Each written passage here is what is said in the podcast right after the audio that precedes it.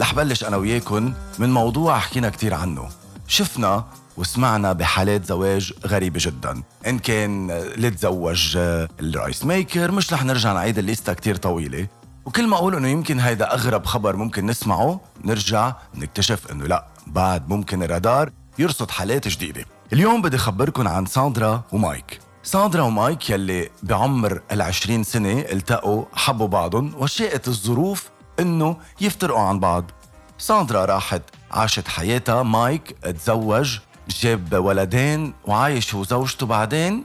اكتشف إنه مش هيدي الحياة يلي هو حابب يعيشها هو عم بعيش in denial هو مش متقبل نفسه.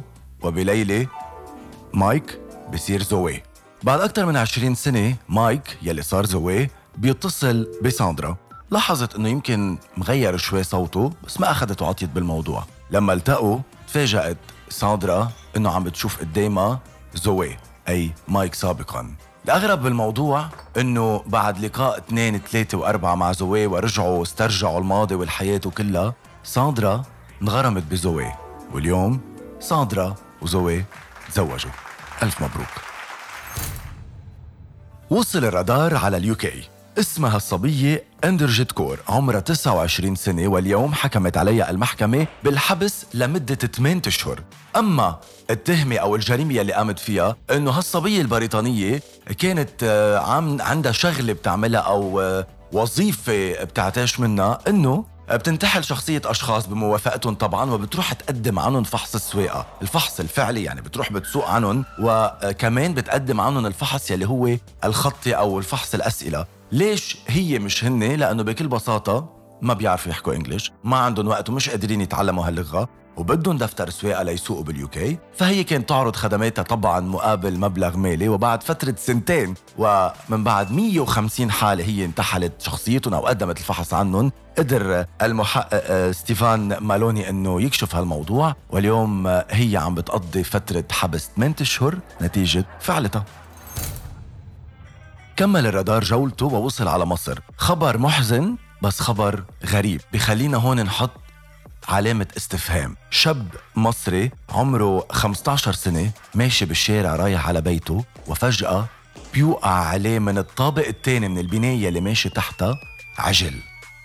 عجل يعني عجل. للأسف آه، الصبي توفى على الفور بس السؤال اللي بيطرح نفسه هون.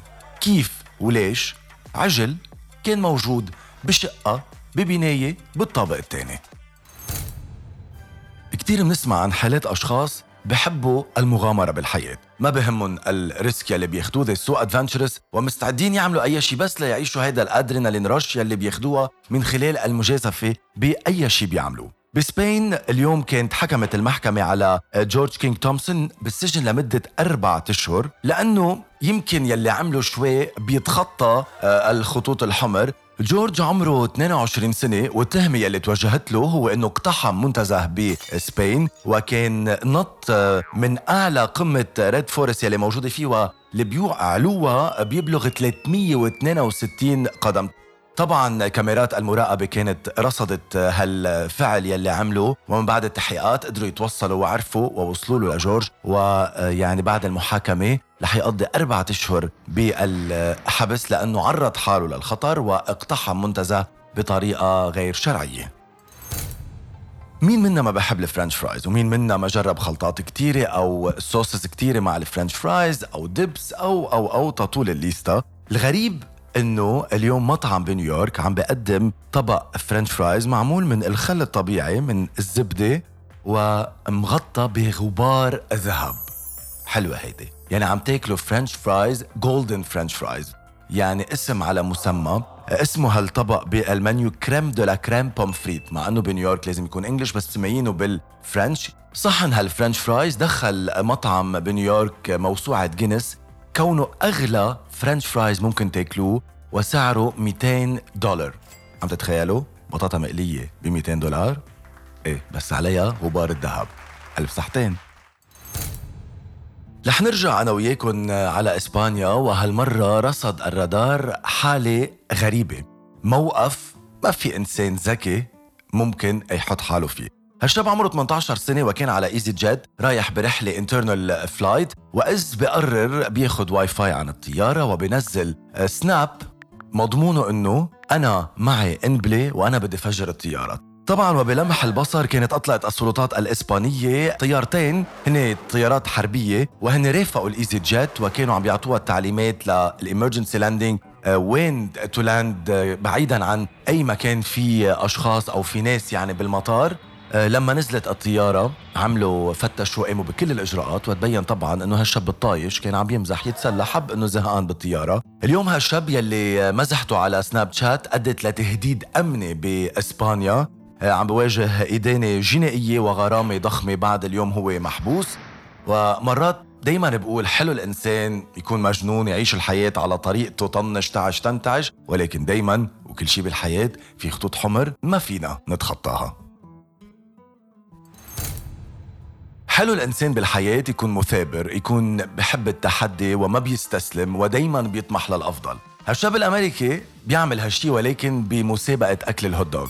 ما بيستسلم دايما بيتحدى ودايما مصر إنه يكسر رقمه القياسي بأكل ال hot dog، الموضوع غريب شوي ولكن هيدي المسابقة بتصير بأمريكا تحديدا بعيد الاستقلال. وهالشاب يلي على مدار 15 سنة عم بيشارك بهالمسابقة للأسف هالسنة فشل إنه يكسر الرقم القياسي اللي كان سجله السنة الماضية وهو أكل 76 شريحة هوت دوغ بأقل من 10 دقائق عم تتخيلوا؟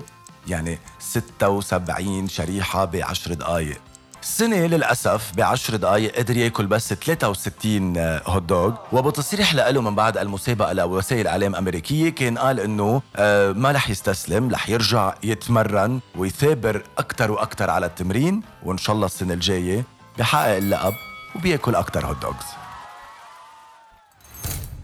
آخر محطة لرادار ما حدا مرتاح رح تكون بال UK هال couple تعبوا من دفع أجار استوديو 1200 pound كل شهر. قرروا يستثمروا 9000 pound ويشتروا double decker ويحولوه لبيت أحلامهم. بأول طابق قرروا يعملوا مطبخ حمام وصالون ليستقبلوا فيه زوارهم. أما بالطابق الثاني آه، فوق فعملوا غرفة نوم كبيرة وواسعة وعملوا الديكور يلي هن بحبوه وركبوا طاقة شمسية وبيتهم صار جاهز للسكن وما عندهم أي مصروف للأجار يدفعوه.